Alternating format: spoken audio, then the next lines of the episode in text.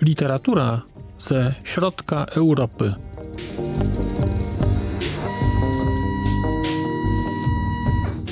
Podcast około książkowy. Znak litera człowiek. Podcast okołokulturowy. Dzień dobry. W kolejnym odcinku podcastu kulturowego Znak Litera Człowiek wita Państwa Marcin Piotrowski. Mam dzisiaj dla Państwa dwie książki do powiedzenia o nich. E, obie są to są książki Karola Czapka, Karela Czapka. I pierwsza z nich to Fabryka Absolutu. Książka, która ukazała się już czas jakiś temu, bo ona jest chyba z 2015 roku, mm, w tej serii Stechlik, czyli serii e, wydawniczej, która jest e, wydawana przez Dowody na istnienie. Serii wydawniczej, która, której, nad którą nadzór sprawuje Mariusz Szczygieł, naczelny polski czechofil. I serii, która, której jakoś długo się opierałem, bo nie wiem czemu uważałem, że literatura nie jest dla mnie. Aż któregoś dnia e, tamy pękły, o czym pewnie opowiem przy innej okazji. E, I kupiłem pierwszą książkę z tej serii, i tak się złożyło, że potem już zacząłem kupować kolejne. I jedną z książek, którą, którą kupiłem którą przeczytałem, i która jest na tyle wyjątkowa, że chciałem się nią podzielić, jest właśnie książka mm, Karela Czapka, Fabryka Absolutu. Fabryka Absolutu to jest książka z 1922 roku. I w ogóle ja za chwilę będę jeszcze opowiadał o drugiej książce Czapka, którą, która jest książką z 1935 roku. I mówi się często o, o, o, autorach, o kimś, że wybiega przed swój czas, że, że pokazuje nam rzeczy, które się nie zdarzyły, że wyprzedza swoje czasy. I wydaje mi się, że niewielu jest autorów, e, co do których taką opinię można wyrazić, i ona będzie tak bardzo prawdziwa, jak myślę sobie o, o Karelu Czapku. My go znamy tak w najbardziej takiej uproszczonej, czy takim, no tak, takiej, takiej no nie chcę powiedzieć zwulgaryzowanej, bo to nie o to chodzi, ale większość ludzi zna go tylko jako autora z pojęcia robota. No i jako takiego prekursora fantastyki naukowej czy science fiction.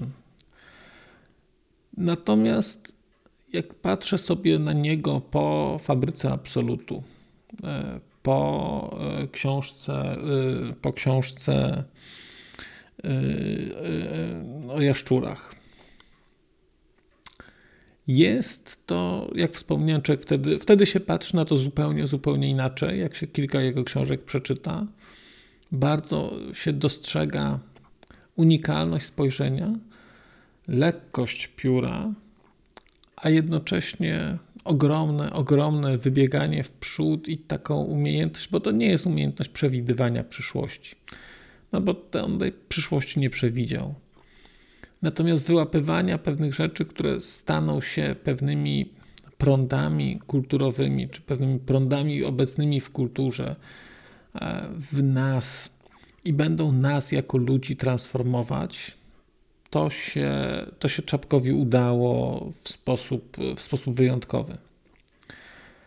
Fabryka Absolutu jest, cóż, kiedy czytałem e, jakieś opisy tej książki, no to rzecz wydaje się absurdalna. No bo jak e, inaczej opisać, e, czy jak inaczej spuentować sytuację, w której dowiadujemy się, że że na terenie Czech y, powstaje fabryka, w której produkowany jest Bóg. No, przez U zamknięte i G na końcu. No, człowiek na początku myśli sobie, że to jest jakieś. No, naprawdę wiele rzeczy czytałem, ale takie jeszcze nie czytałem. A potem, kiedy zaczyna się czytać tę cieniuteńką książkę, bo to jest, no, nie wiem, sto kilkadziesiąt stron, to już po kilku stronach jest się całkowicie ujętym, ja przynajmniej byłem ujętym stylem e, pisania e, czapka, taką, takim dystansem do siebie, do, do nacji, z której się pochodzi, taką ironią w stosunku do siebie i w stosunku do innych. E, czymś, co jest tak, tak piękne i jak się o tym tak pomyśli, takie, takie głęboko czeskie. E, no, że potem chce się po prostu, chce się tych książek więcej.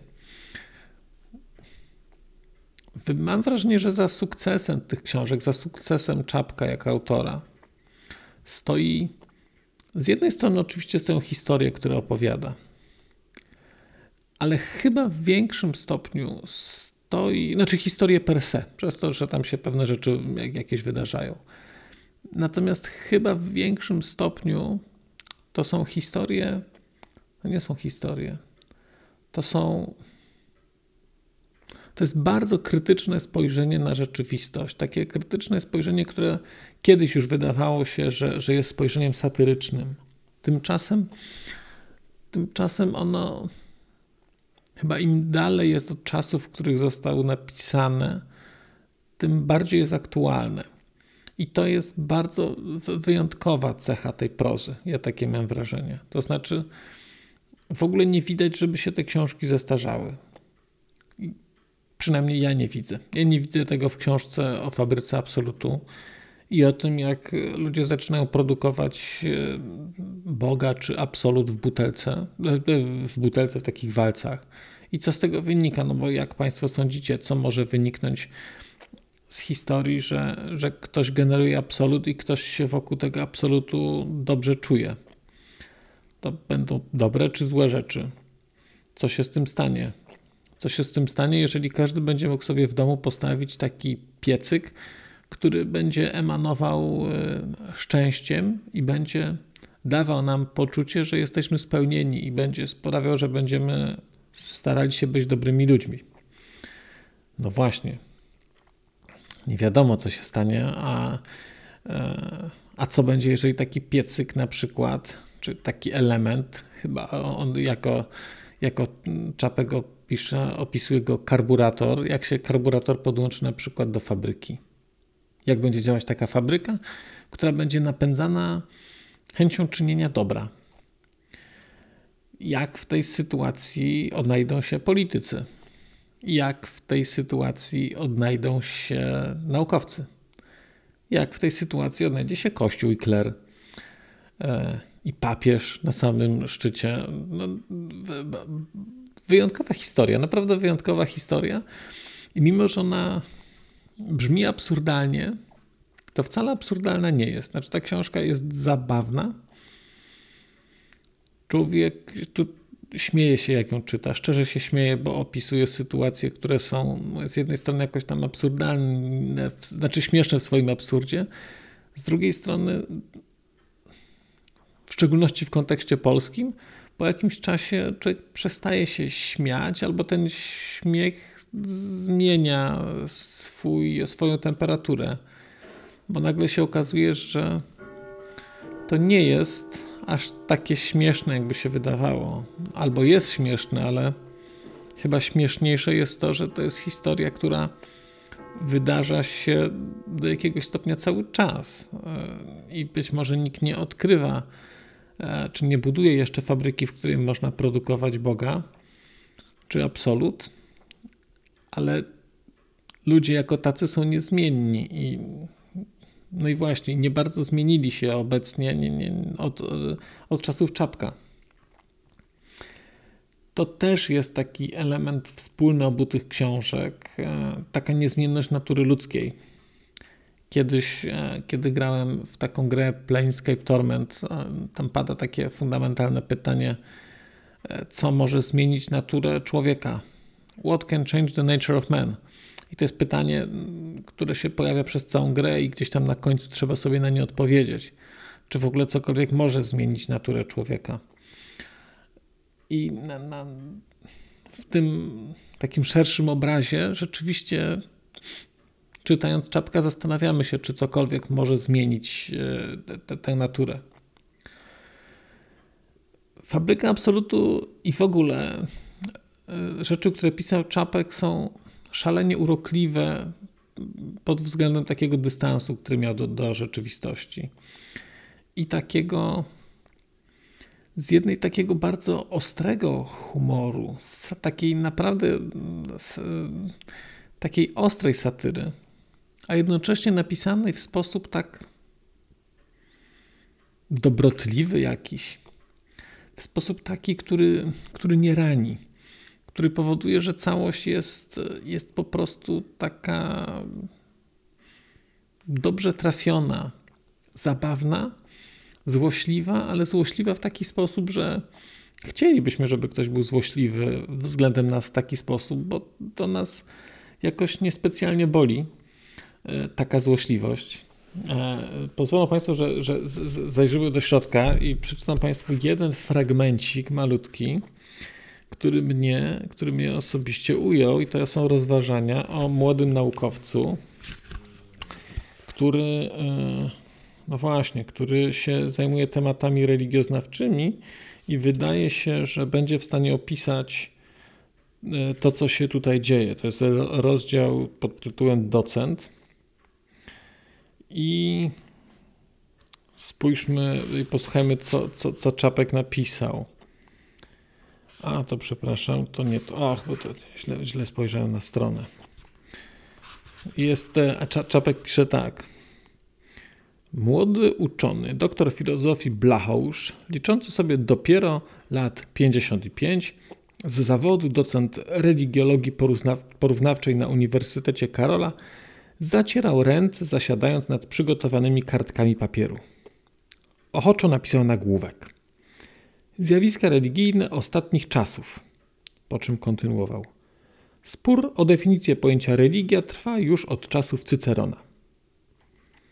Napisawszy te słowa, zamyślił się. Ten artykuł, pomyślał, poślę do czasu. Zobaczycie, panowie koledzy, jaki szum powstanie koło niego. Co za szczęście dla mnie, że akurat teraz wybuchła ta gorączka religijna. To będzie sakramencko aktualny artykulik. Nasze gazety będą pisały. Młody nasz uczony, doktor filozofii Blachausz, napisał właśnie wnikliwe studium i tak dalej. Potem otrzymał stanowisko profesora nadzwyczajnego i Regner pęknie z zazdrości. Młody uczony znowu zatarł przywiędło już po trosze ręce, aż mu w palcach radośnie zatrzeszczało i zabrał się do roboty. Gdy wieczorem gospodyni przyszła zapytać, co chciałby zjeść na kolację, dotarł już był do ojców kościoła i kończył kartkę 60. O godzinie 23 miał zapisanych kartek 115 i zbliżał się właśnie do nowej definicji pojęcia religii, w której jedno słowo było całkiem inne niż w definicji jego przeciwnika. Potem zwięźle omówił metody ścisłej wiedzy religiologicznej z kilkoma chlaśnięciami polemicznymi i tym zakończył krótki wstęp do swojego artykułu. Mijała już północ, kiedy nasz docent pisał. Właśnie w ostatnich czasach pojawiły się różne zjawiska religijne i kultyczne, które zasługują na uwagę ścisłej wiedzy religiologicznej. Aczkolwiek właściwym zadaniem jej jest badanie zjawisk narodów dawno wymarłych, Okazuje się jednak, że i żywa teraźniejszość może dostarczyć współczesnemu, dr Blachousz e, podkreślił przymiotnik współczesnemu, badaczowi wielu spostrzeżeń, które mutatis mutandis rzucą snop światła na kulty starożytne, dostępne w gruncie rzeczy jedynie naszym domysłom. I tak dalej, i tak dalej. No nie będę Państwu czytał, nie będę Państwu czytał całości, e, bo, no o to chodzi. Natomiast ten, to, to daje trochę, e, ten, ten, ten fragmencik daje taki posmak tego, jak pisze Czapek i tak tutaj pisze o naukowcu, który chlasta sobie ten artykulik na, na, na 500 stron do, do gazety, e, no to w podobny sposób są przedstawieni przedsiębiorcy, kościół, politycy, mm, e, policjanci i, i, i cały kraj. Czas jakiś temu mówiłem o, o tłumaczeniu i zastanawiałem się, dlaczego warto tłumaczyć książki ponownie. I to jest właśnie ta książka Fabryka Absolutu jest przykładem, że warto. Dlatego, że to jest przekład Pawła Hulka Laskowskiego, który jest, powstał w roku 1947. I jak pisze tutaj na drugiej stronie okładki Mariusz Szczygieł, kiedy pani Zimna, tłumaczka literatury czeskiej, czy, przeglądała ten przekład i czytała oryginał, to okazało się, że iluś fragmentów tutaj nie ma, bo prawdopodobnie zostały wycięte, wycięte przez cenzora. Więc czytając teraz to, co się ukazało, będziecie Państwo w sytuacji osoby po raz pierwszy w Polsce czytającej e, wierny przekład tej książki, dlatego że poprzednio e, z, z tego przekładu w 1947 roku wyleciały wszystkie e, wszystkie odniesienia do komunizmu, a tu jest dużo i o komunizmie, i o bolszewizmie. To nie jest książka krytyczna wobec tych systemów jakoś wyjątkowo, że jest antykomunistyczna czy antybolszewicka. Nie. To jest książka, która która śmieje się porówno ze wszystkich y, i a, no, a że na dodatek opisuje różne zjawiska polityczne, które są skutkiem e, tych, e, tych historii, które się tu wydarzają, jak się tego Boga fabrykuje, no to też pojawiają się takie wydarzenia polityczne, typu, nie wiem, Rosja zajmuje Polskę i tak dalej, i tak dalej. Pewne te, te historie nie mogły się wtedy ukazać. To znaczy, Mogły, ale nikt nie chciał, żeby się ukazały, więc się nie ukazały. I dwa kolejne wydania, które były w Polsce, e, prezentowały nieprawdziwe, nieprawdziwe treści tego dzieła. No więc teraz można już je przeczytać w wersji prawdziwej.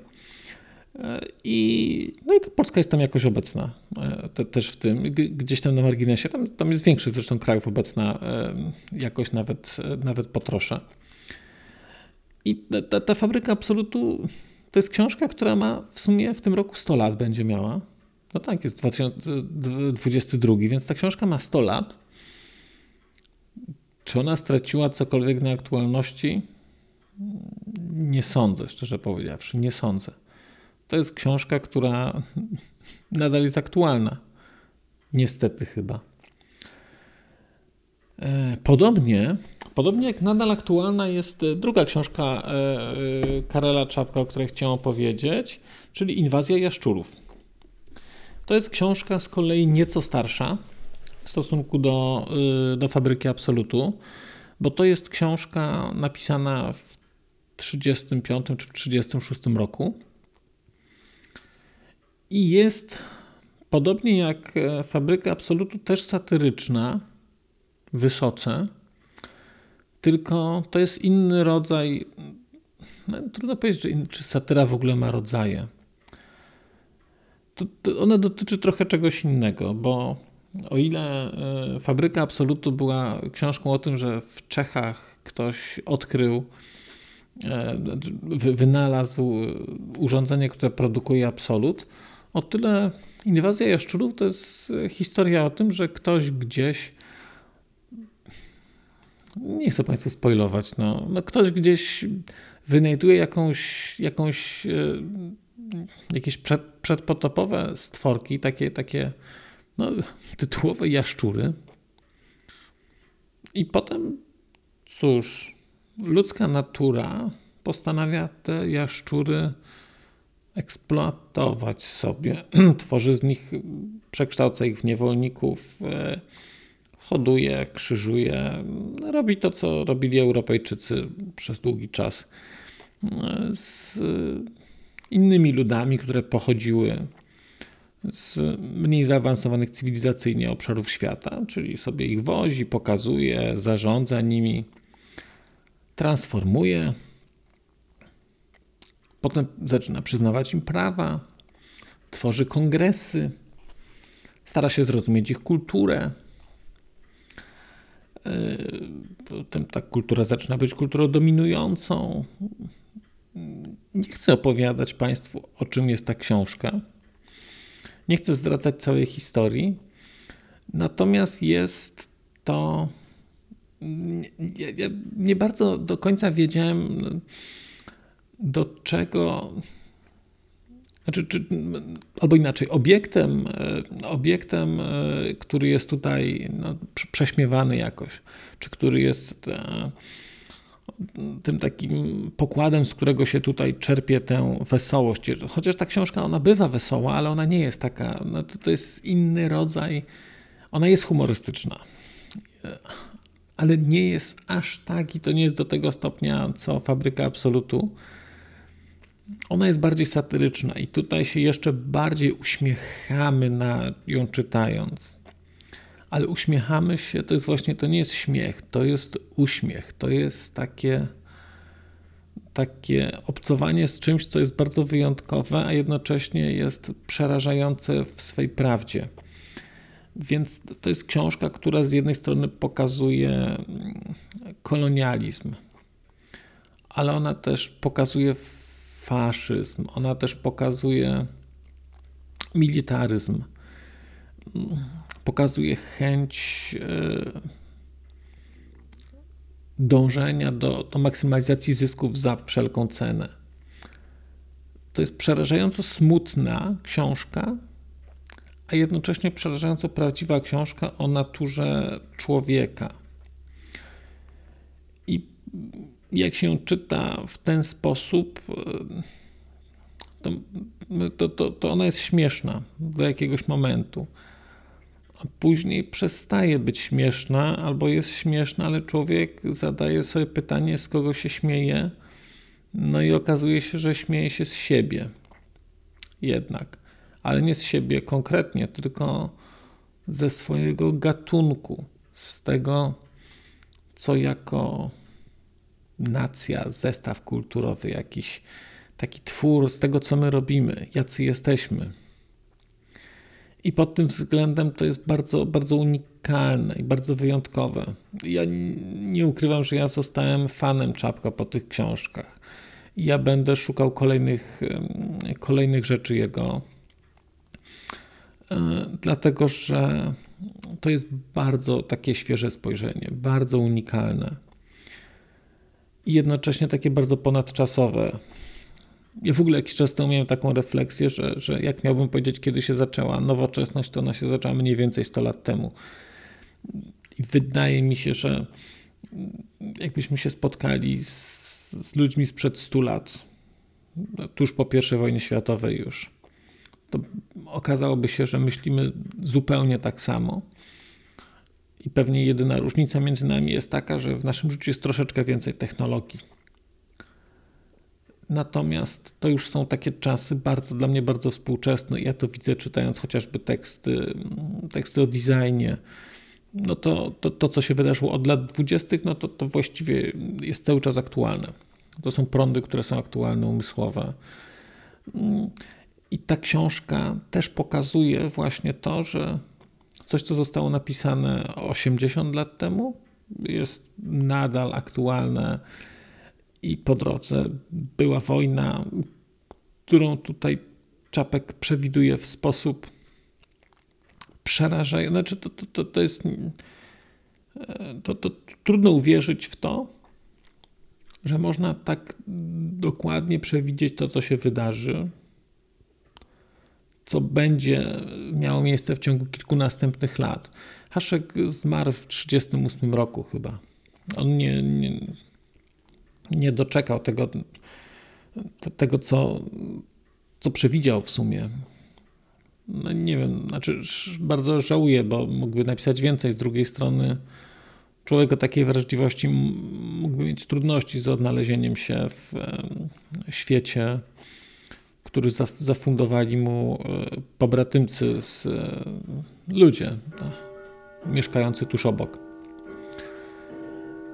Bardzo też Państwu polecam tę, tę inwazję jaszczurów.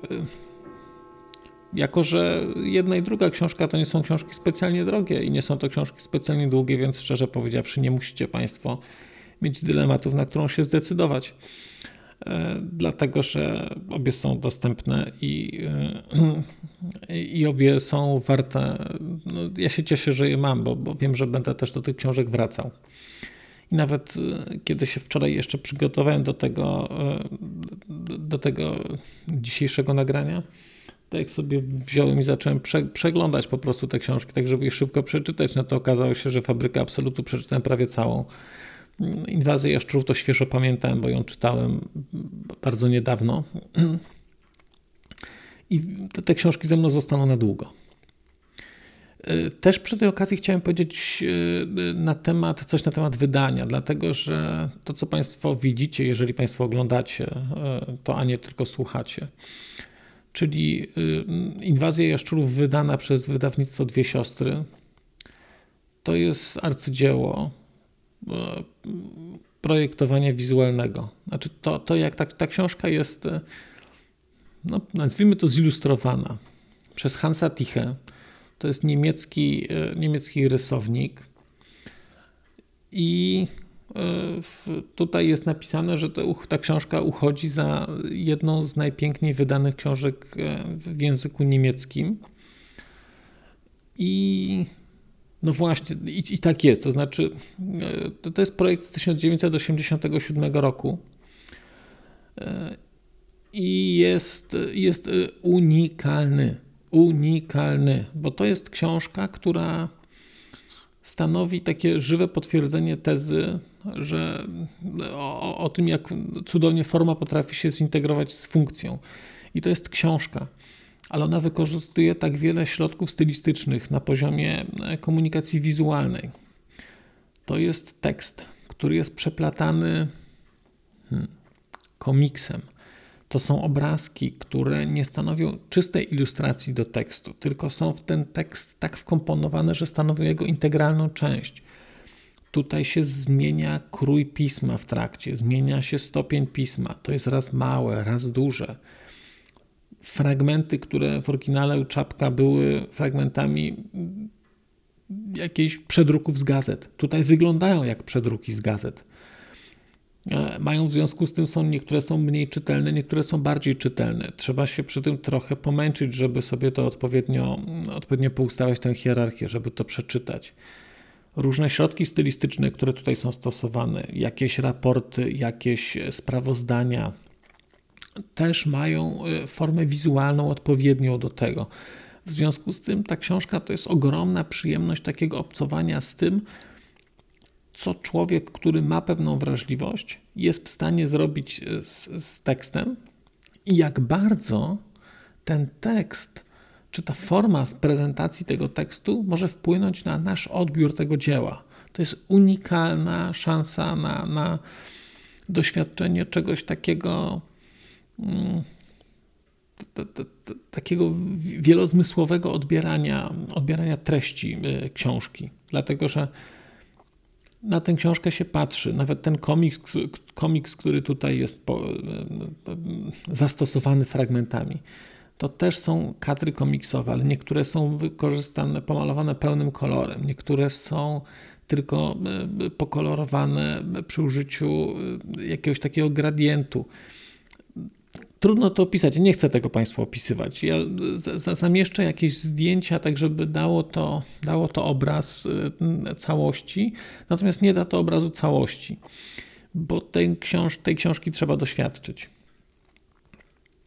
Nawet jak się patrzy na okładkę, to jest przepiękna, twarda, y, twarda okładka y, te wszystkie rzeczy, które są tutaj ciemne, no, no tak okładka jest z przetłoczeniami. Najczęściej przetłoczenia robi się tak, że, czy robi się, czy w, można powiedzieć, odciśnięte są litery, czyli wciśnięty byłby wyraz tutaj czapek, który jest, czy jaszczurów. Tutaj jest odwrotnie w tej książce. Znaczy, to, co jest ciemne, e, jest, e, jest głębiej, to, co jest jasne, jest wyżej.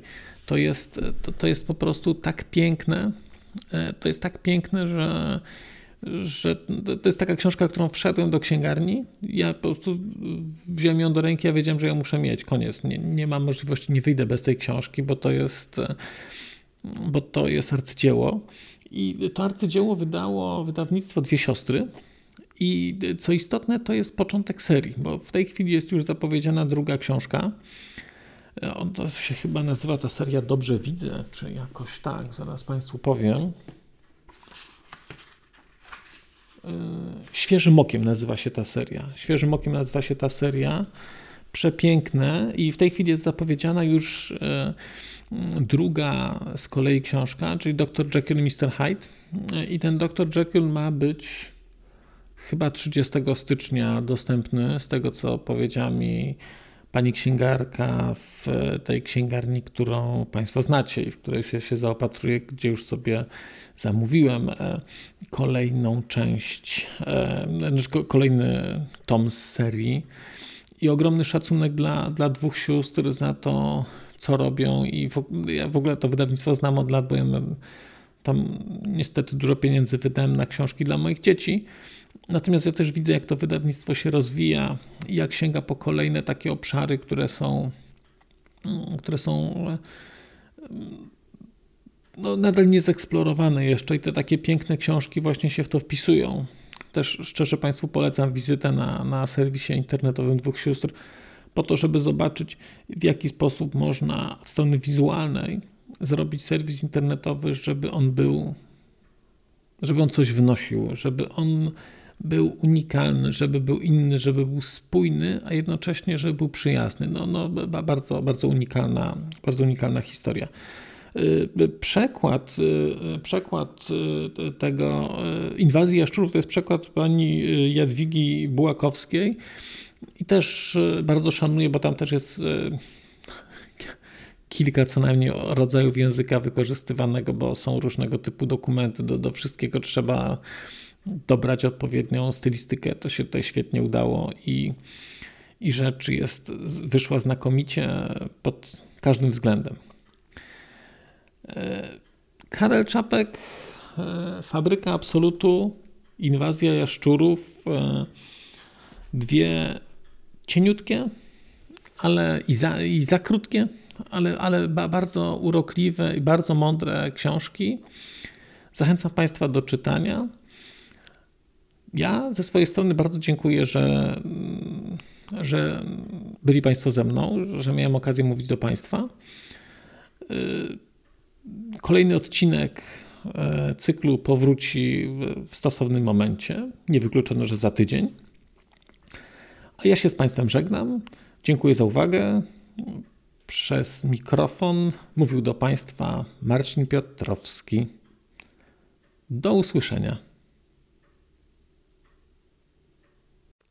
A już zupełnie na koniec powiem, że skoro wysłuchaliście Państwo tego odcinka, to w jego opisie znajdziecie link do serwisu YouTube. W wersji YouTube'owej e, jest miejsce na skomentowanie go. To jest takie miejsce, gdzie można komentować ten odcinek, rozmawiać, zadawać pytania, wymieniać się spostrzeżeniami, do czego Państwa bardzo zachęcam, gdyż udało się już na tym YouTubie zgromadzić trochę bardzo ciekawych osób, bardzo ciekawych komentarzy i trochę stworzyć taką społeczność ludzi rozmawiających o książkach.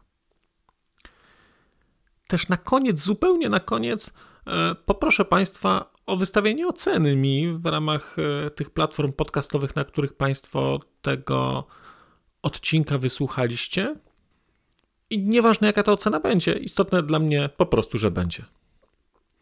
Tymczasem się żegnam już naprawdę i do usłyszenia za czas jakiś.